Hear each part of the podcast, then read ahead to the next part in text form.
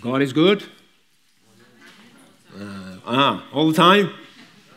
Thank you. Dat had ik nog altijd al willen doen. Is er nooit van gekomen. Dat deden ze altijd in Afrika. In Gambia. Heel bijzonder om hier weer te zijn. Um, ja, wij zijn dus die zendelingen waar even naar uh, terugverwezen werd, Sylvian en Tamar. En um, het is zo grappig, dat leefje. Mijn zoon die zit nu even spontaan biermedienst te doen. Ook leuk. Dus het voelt weer als vertrouwd. Maar goed, um, wij zijn dus uh, drie maanden geleden, denk ik, zijn wij door jullie uitgezegend om naar Doetinchem te mogen vertrekken. Om van daaruit ons zendingswerk uh, verder te zetten als regioleiders van, uh, van Afrika voor de zendingsorganisatie WEC. En die mag wel even een, een slide zien. Dit is dus ons huisje in Doetinchem. Thank you. En we zijn daar zo super, super blij mee en dankbaar voor. En vanuit hier uh, ja, doen wij dus onze nieuwe taak. We hadden de Heer gevraagd, oh Heer, we hebben echt een, een huisje nodig. En het liefst in Doetinchem, want daar wonen onze familie. Um, en drie slaapkamers, Heer, als het mag. Nou, God dacht, doen we. En die heeft er nog een extra, want die derde slaapkamer wilden wij als kantoor gebruiken. Maar God heeft ons ook nog een extra kantoortje gegeven. En dat zit gewoon beneden. Dus dat is nou eigenlijk ons uh, centrale punt waarvan wij ons, uh, ons werk doen. Veel digitale meetings die we hebben. Um, nou ja, goed, Tamer en ik zitten ook veel met elkaar uh, te praten. En ook een beetje niet. Het is wel lastig hoor, om niet op een kantoor te zitten en toch je uren te maken. Maar goed, dat terzijde. Um, dus dat is best wel veel, veel van ons werk wat we doen. achter de computer e-mails beantwoorden en de vergaderingen hebben. Maar uh, iets heel moois is ook dat we dus allerlei reizen mogen maken richting uh, Afrika. Ik moet het ook een beetje uit mijn hoofd doen wat er dan voor dia's komen, maar goed. Uh, ja, dit zijn dus de, de, de, landen zeg maar, waar wij uh, de zorg voor hebben. Dat is onze taak, zorgen voor die landen, voor de mensen van weg die daar zitten. Ehm, dat zijn zeg maar de rode gebieden. Senegal, Sahel, dat ligt weer in het noorden van, uh, van Senegal we gaan daar uh, gaan we vaak, tenminste daar hopen we heen te kunnen gaan, hopen ze te kunnen bezoeken. Als er een conferentie is, dan, uh, dan worden we daar ook vaak voor uitgenodigd. En dan vragen ze ons om te, te, spreken. Zo hadden we dat grote groene gebied, wat dus eigenlijk niet bij ons hoort, maar bij onze collega's. Daar zijn we naartoe geweest, naar Tjaat. Ik denk dat dat een volgende foto is. Ja, uh, en daar hadden ze ook een conferentie, daar hebben we gesproken, vier keer gesproken, wat geestelijke toerusting gedaan, best veel werk en best wel spannend moet ik zeggen. Maar goed, we hebben het gedaan en dat ging goed dankzij de Heer. En dan zitten we ook hier met de, de teamleaders, de, de, de, zeg, de branch leaders, de leiders van het land zitten we te praten. Eerst even lekker eten en dan praten en kijken, wat kunnen we voor jullie doen? nou, dus dat hoort er heel, heel erg bij. En uh, deze lieve mensen, geweldige mensen, hadden het bedacht dat wij wel spontaan naast de, een van de nationale voorgangers konden gaan zitten van, um, van Tjaat, want die zou afscheid nemen. Oh, is hij er al? Ja. Uh, Tjaat, by the way, is French. Ons Frans is niet zo goed. Dus uh, daar zaten wij naast deze beste man. Hij ging uh, met pensioen en nou ja, goed, we moesten ook een klein woordje doen en zo. Hoort er allemaal bij. Erg leuk ja, goed, het was een prachtige tijd daar. En uh, Tamer die wilde ook nog eventjes naar de, de, markt. Dus ging ze even wat kopen. Ja, daar is ze. Nou ja. Heel bijzonder, het is heel gaaf. Het is, ons huisje bevalt zo goed, jongens. Uh, het is zo fijn om bij mijn moeder te zijn, bij onze schoonouders in de buurt te zijn. Echt gaaf. Het werk is ook super.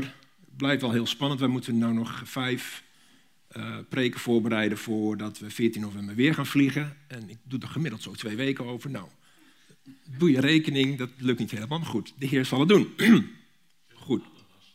Ja, ja, ja, ja. Huge. Like, amazing. Ja, ja, echt.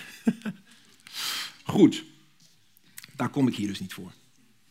Ik wil wel eens even met jullie wat gaan lezen, jongens. Ik wil met jullie lezen uit 2 Samuel 18, de versen 24 tot en met 27. Mocht je het even op willen zoeken. Ik had natuurlijk ook gewoon kunnen zeggen van dat heb ik niet en zoek het zelf even op. Beetje in de buurt van Koningen, Kronieken en Samuel, dat ligt zo'n beetje bij elkaar. 2 Samuel 18, versen 24 tot 27. En hoorde je, vroeger hoorde je zo die blaadjes ritselen. Hoor niks meer. Swipe, ja, het is zo lastig te horen. Goed, ik ga er maar vanuit dat iedereen het wel heeft of mee kan lezen. David zat tussen de twee poortdeuren. En de wachter ging het dak op van de poort bij de muur. Hij sloeg zijn ogen op, keek en zie, er kwam een man aanrennen. Alleen. Toen riep de wachter en vertelde het aan de koning. En de koning zei, als hij alleen is, dan heeft hij een boodschap te vertellen. En hij kwam gaandeweg dichterbij. Toen zag de wachter een andere man aankomen rennen. En de wachter riep naar de poortwachter en zei, zie, er komt nog een man aan, alleen aanrennen. En toen zei de koning, dat is ook een boodschapper. En verder zei de wachter, ik zie aan het rennen van de eerste dat het de manier van rennen van Ahimaas is, de zoon van Sadok. Toen zei de koning, dat is een goed man en hij komt met een goede boodschap. Het is bijna jammer eigenlijk dat we, dat we hier maar zo weinig van lezen. Dus ga ik een beetje vertellen. Het is mooi om even een, uh, een context te krijgen. Want we zijn hier namelijk getuigen van David, dat is koning David. En uh, die zit in de poort te wachten op nieuws over zijn zoon, over zijn zoon Absalom. Zijn opstandige zoon Absalom. En die was op, in, in opstand gekomen tegen zijn eigen vader. En het liep zo hoog op dat er op een gegeven moment ja, gevechten ontstonden tussen de mannen van David en de mannen van Absalom. Maar voordat die uh, gevechten plaatsvonden, verplaatste koning David zich dus naar die poort. Oh ja, nu moet ik even kijken, want ik kan niet zelf het knopje doen. Sorry, Levi. Doe maar. Ja, en ja. Um, doe er nog eens één. Juist. Het viel mij op, uh, nee, uh, sorry, koning David ging dus naar die poort toe om ze uit te zegenen. Die mannen die gingen allemaal voorbij en hij, hij zegende ze uit. En toen zei hij tegen een aantal van de, van de legerleiding, zei hij van, joh, wees vooral voorzichtig, wees gentle met mijn zoon Absalom. En met die boodschap gingen ze uit Jeruzalem uh, om te vechten en om Absalom te vinden. En het woord Absalom die wordt op een gegeven moment gevonden. En als je het verhaal kent, dan weet je waar ze hem vinden. Hij zit met zijn lange haren zit hij vast in de takken van de bomen. Hij reed op zijn ezeltje, daar was hij aan het vluchten. Als wij ezel zeggen, dan denk ik, joh, neem een paard. Maar goed, ezel, dat is toch een teken van, ik ben de koning. Dus hij zat op zijn ezeltje, ezel, weet ik veel. En hij was aan het vluchten, maar door zijn lange haren kwam hij in die bomen terecht en hij kon er niet meer uit. Hij hing daar machteloos in die takken. Een soldaat van de mannen van David, die ziet hem. Die zegt het weer tegen Joab, de legeraanvoerder. En dan zegt Joab, joh, maak hem dood. En die man zegt, ah, ah, ik, ik heb ook gehoord wat David zei, doe ik niet. Maar Joab die heeft er geen boodschap aan. Die gaat naar Joab toe, eh, naar eh, Absalom toe en hij doodt hem. Nadat Absalom gedood is, wordt hij daar ergens begraven in een kuil. En dan wordt er een boodschapper gestuurd. Dat werd vaker natuurlijk veel vroeger gedaan. Er was geen mobieltjes van, joh, strijd is gedaan. Eh, maar er werd een boodschapper gestuurd om te vertellen hoe het, hoe het verlopen was. En dan ineens verschijnt een Ahimaas, die verschijnt op het toneel. En die zegt, oh, mag ik die boodschapper zijn? Maar Job die is ook niet helemaal gek. Die weet dat de boodschap die hij gaat vertellen niet een beste boodschap is. Ze hebben dan wel gewonnen, maar hij weet ook, hé, hey, Absalom is dood. Dat gaat David niet fijn vinden. En als je dan als een boodschapper niet zo goed nieuws vertelde, kon het ook wel eens een beetje slechter met jou aflopen als boodschapper. Dus um, die kiest ervoor om een Kushit. Waarschijnlijk was dat een, een slaaf, of er was uh, iemand die in ieder geval bij dat leger hoorde, die werd gestuurd. Maar die bleef aandringen. Ik stel me dat een beetje zo voor. Kom op, mag ik nou, mag ik nou? Maar die Kushiti was al lang weg, dus het was helemaal niet meer nodig. Maar Ahimaas bleef maar aandringen. En Joab zegt op een gegeven moment, oké, ga maar, ga maar. Dus Joab, Ahimaas die zet het op rennen en die haalt die Kushit al heel vlot in. En dan komen we ongeveer wel een beetje bij dat stuk wat we net hebben gelezen. dat die wachter dus mensen aan ziet komen rennen. En dan gaat het mij niet om die renners, Het gaat mij niet om die Kushit. Het gaat mij ook niet om Ahimaas. Het gaat mij ook niet om koning David. Het gaat mij om de wachter. De wachter op de muur. Daar wil ik eens even naar kijken eh, met jullie. Want het is namelijk heel boeiend hoe vaak je, als je naar de Bijbel kijkt, hoe vaak daar uh, de wachter wordt neergezet. Heel vaak. Het Oude Testament het is heel belangrijk. Natuurlijk de wachters op de muur, hè, dit verhaal, op Jeruzalem. Maar ook bijvoorbeeld Ezekiel. Ezekiel die wordt aangesteld als een wachter over het volk Israël. En als je naar de psalmen kijkt, dan staat ook daar te lezen dat zelfs God als een wachter wordt beschreven. In het Engels, dan is dat natuurlijk, ik weet, of nee, natuurlijk. In het Engels heet zo'n wachter watchman. Als je dat letterlijk vertaalt, is dat kijkman. Vind ik eigenlijk wel een hele mooie. Degene die uitkijkt over de omgeving eh, of die iets ziet te gebeuren. Nou, als we nog heel even naar dat korte, nou, daar niet meer naar terug, sorry. Als we nog even naar dat korte uh, stukje kijken, wat valt, ons dan op? Wat valt ons vooral op aan die wachters? Dat is wel de volgende slide. Als die het doet. Oh, nee, dat is nog niet. Nou, dan moet je hem even terugleven. Ja, ik, geloof deze. Ja, ja. Het is een beetje inventaris. Noem het? Uh, nou ja. Improviseren, dank je. Nou ja, goed, wat viel mij op? Het viel mij dus op dat koning David in die poort is gaan zitten. En die, die tekening van de poort die we daarvoor zagen, een heel massief ding. Dus daar zit koning David te wachten op nieuws. En die man die zit echt in spanning. Hoe gaat het aflopen? Hoe gaat het vooral aflopen met mijn opstandige zoon? Maar ja, als je daar zit, ik hoop dat je het plaatje hebt gezien, dan kun je dus niks zien. Je kan niet zien wat er daar gebeurt. Dus hij heeft iemand nodig die dat wel kan zien. En daar komt dan natuurlijk die, die wachter om de hoek kijken. En die wachter, die, die kijkman, die watchman, die blijft niet naast koning David staan. Hij zoekt het hogerop, zou je kunnen zeggen. En hij doet dat, want hij weet, ik kan iets verwachten. En hij weet ook, als ik naast David blijf staan, dan staan of de mensen staan me ervoor, of de huizen staan ervoor, of misschien zit die deur wel dicht, ik kan niet door die deur heen kijken. Dus hij weet, ik moet het hogerop zoeken. Hij zoekt een strategische plek op. Er stond iets te gebeuren. Waar precies, wanneer precies, hij wist het niet, maar er stond iets te gebeuren. Dus hij hield alles goed in de gaten. En dan vind ik al volgde dus een aardig leuk detail, en daar had je zo net al even de foto's van gezien, die komt bijna. Er staat, op, uh, er staat, hij sloeg zijn ogen op en zag. En dan zou je zeggen, ja dat is logisch dat je je ogen opslaat. Maar dan mag dus inderdaad even die volgende slide. Ik denk dat er wat vertraging tussen zit of zo. Ja. In deze drie gevallen zou ik ook zeggen, ja, het is logisch dat je eigenlijk opkijkt. Dat je kijkt waar je fietst of rijdt. Of als je de natuur staat. Nou, het is net niet de Alpen, maar als je daar bent, dat je, dat je daarnaar kijkt en niet op je mobieltje. Die watchman moest wel zijn ogen opslaan. Hij kon op de muur staan, maar als hij niet keek, dan zag hij nog geen malle moer. Nog weer de volgende slide volgens mij. Dus die watchman die was aan het kijken en die zag daar iemand aankomen rennen. En wat doet hij dan? Dan verlaat hij niet zo'n post om even, nou, David, koning David, moet je luisteren, joh, de, ja, ik heb iemand aan zien komen rennen. Dat doet hij niet. Ik zou het me kunnen voorstellen, want koning David had hem ook gestuurd. Dus waarom loop je dan niet even naar koning David toe om te zeggen, joh, ik heb het aanzien komen.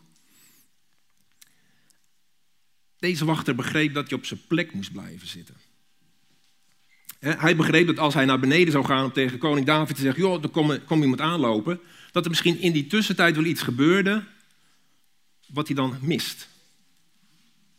Dus ik stel me zo voor dat die man, die ziet daar een uh, man aankomen, een beetje grijzend die om zich heen kijkt. En dan zegt hij tegen koning David, ik wijs even naar Harry hoor.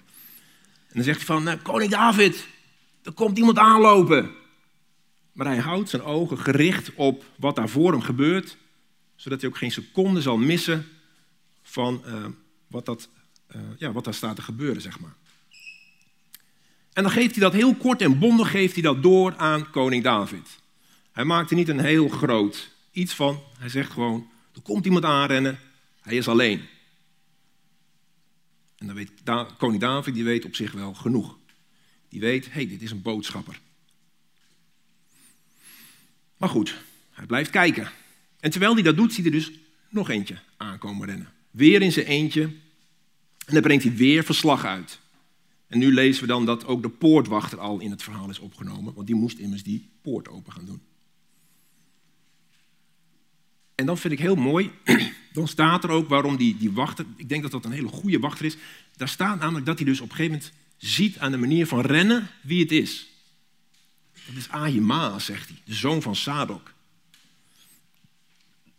Het is niet zo dat uh, Ahimaas maar strompelde en daardoor is oh ja, dat is Ahimaas. Ahimaas is sneller dan die Kushit. Dus die rende, die rende als, als een bezetene.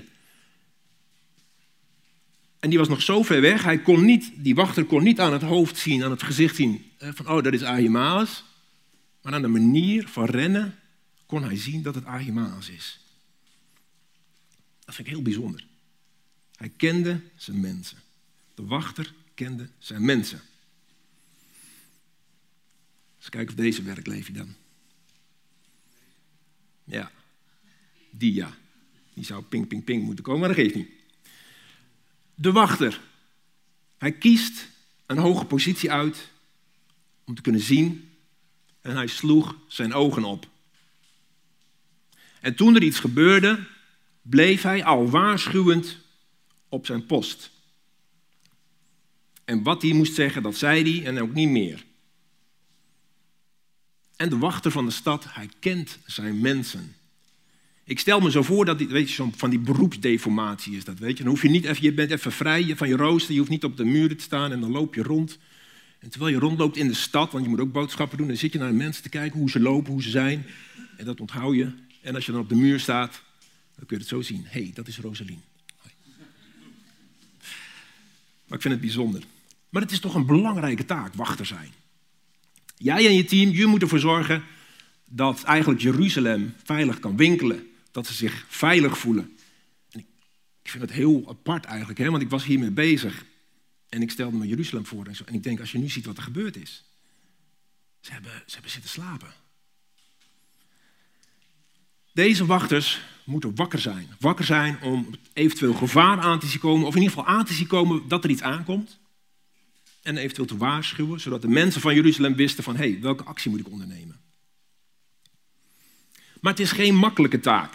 Het is best wel een zware taak wachter zijn.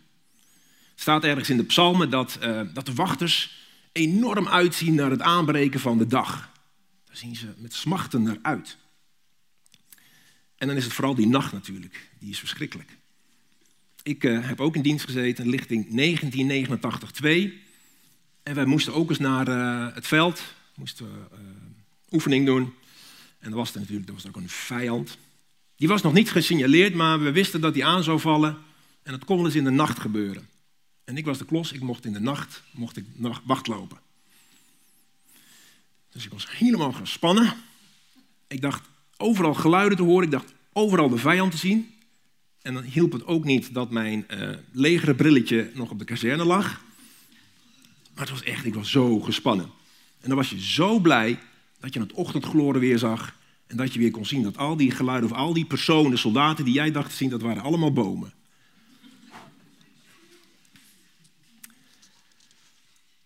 Maar het is een belangrijke taak. Het is een zware taak.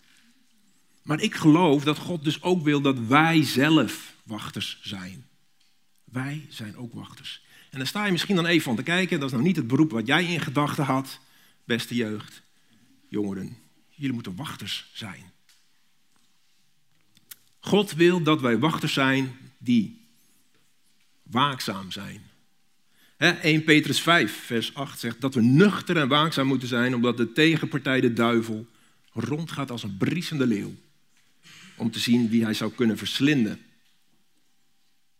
Waakzaam zijn. 1 Corinthians 16. Wees waakzaam en sta sterk in je geloof. Maar het is niet alleen waakzaam zijn, het is dus ook dan waarschuwen en beschermen. Colossense 1, vers 28. Hem, God, verkondigen wij, terwijl we ieder mens terechtwijzen. Nou is dat een beetje een, een naar woord vandaag de dag. Je kan zo kunnen zeggen op het rechte pad wijzen. En de King James Version, die eh, behoorlijk dicht bij de grondtekst staat, die zegt waarschuwen. Dus terwijl we ieder mens waarschuwen en ieder mens onderwijzen in alle wijsheid, opdat wij ieder mens volmaakt zouden stellen in Christus Jezus. mag hij weer naar de volgende. God wil dat wij wachters zijn van onszelf in de eerste plaats. Van ons gezin. Van onze familie. God wil dat we wachters zijn van onze vrienden. Maar God wil ook dat wij wachters zijn, zelfs van mensen die we niet kennen. Van mensen die God niet kennen. We hebben niet voor niets de opdracht gekregen om de wereld in te gaan om, om over zijn liefde te spreken, om over zijn verlossend werk te spreken. Die taak hebben we. En God wil eigenlijk, wat hij wil, is dat wij eh, de anderen ook beschermen door hun te waarschuwen voor het oordeel dat komend is. Maar dan moeten we dat wel vertellen. Goed, hoe kun je dan waakzaam zijn? Hoe kun je dan beschermen? Hoe kun je dan waarschuwen? We hebben geen letterlijke muren meer waar we op hoeven te staan. En we hebben geen, in die zin, vijanden die we aan hoeven te zien komen. Maar ik geloof dus dat, echt, dat we het geestelijk moeten zien. Er is een geestelijke strijd aan de gang hè, tussen goed en kwaad, tussen God en de duivel. En daarvoor vraagt God ons om wachters te zijn. En die strijd die is eigenlijk al beslist. Hè? Dat hebben we net gelezen met 1 Petrus 5 vers 8. Maar goed, de duivel gaat nog steeds wel rond als een leeuw. En die stopt pas met mensen verslinden als Jezus hem stopt. Dus als het Nieuwe Testament spreekt over waakzaam zijn, dan is het waakzaamheid in, in het geestelijke leven. En dan mag de volgende slide, denk ik. Ja. We moeten een geestelijke hoge plek gaan zoeken en we moeten onze ogen opslaan. Dat zal ons al helpen om van verre iets te zien waarvan we denken: hé, hey, wacht even, dit verdient onze geestelijke aandacht. En ik denk dat we die hoge plek eigenlijk alleen maar kunnen bereiken door onze ogen gericht te houden op Jezus. David zegt al, ik sla mijn ogen op naar de bergen, waar komt mijn hulp vandaan? Mijn hulp is van de Heer. We moeten zijn woord leren kennen. De Heilige Geest moeten we gewoon de ruimte geven om zijn waarheid in ons te planten. En hoe meer je zijn woord leert kennen, dus ook die diepte ervan, hè? niet als een soort informatieboek, gewoon informatie nemen, de diepte van zijn woorden, hoe meer we Gods waarheid ook in ons laten komen. Ik denk de Bijbel waarschuwt ons in Romeinen dat we niet gelijkvormig moeten worden aan het denken van de wereld. Want als dat gebeurt, kun je niet meer waarschuwen, want je ziet het niet meer op je afkomen. Maar hoe meer we denken als Christus, hoe sneller en hoe makkelijker we ook dingen kunnen onderscheiden die van belang zijn voor ons geestelijke leven. Dus die ogen opslaan. Denk even aan het mobieltje. Nee, ogen opslaan. Sowieso niet doen. Überhaupt niet. Maar ook geestelijk gezien. Sla je ogen op. Vraag aan God om jouw geestelijke ogen scherp te houden. Dat is die waakzaamheid waar het in het Nieuwe Testament over gaat. En het lijkt me best wel moeilijk in deze, deze wereld van vandaag de dag. Als ik zie wat er allemaal op ons afkomt, dat is wel heel veel. En om dan scherp te zijn, om te kunnen onderscheiden wat belangrijk is om te onderscheiden, ja, dat vraagt gewoon om God, dat vraagt om Jezus. Ik zou het zelf niet zien. Als er in de, de kerk wordt gepraat over de fundamenten van, joh, is Jezus wel daadwerkelijk Gods zoon? Stierft hij wel echt voor onze zonde? Ik bedoel, dat, dat hebben we in de kerkgeschiedenis gezien, dat is gebeurd. Pikken we dat op, pikken jullie dat op als oudste van de gemeente? Van, hé, hey, wacht, dit komt op ons af, hier moeten we wat mee. Ja, of word je pas wakker als het voor je neus staat, dat kan ook. En ik moest denken aan ons nichtje. Zij vertelde ons dat ze christen was geworden en dat ze de leer volgde van een Koreaanse christen.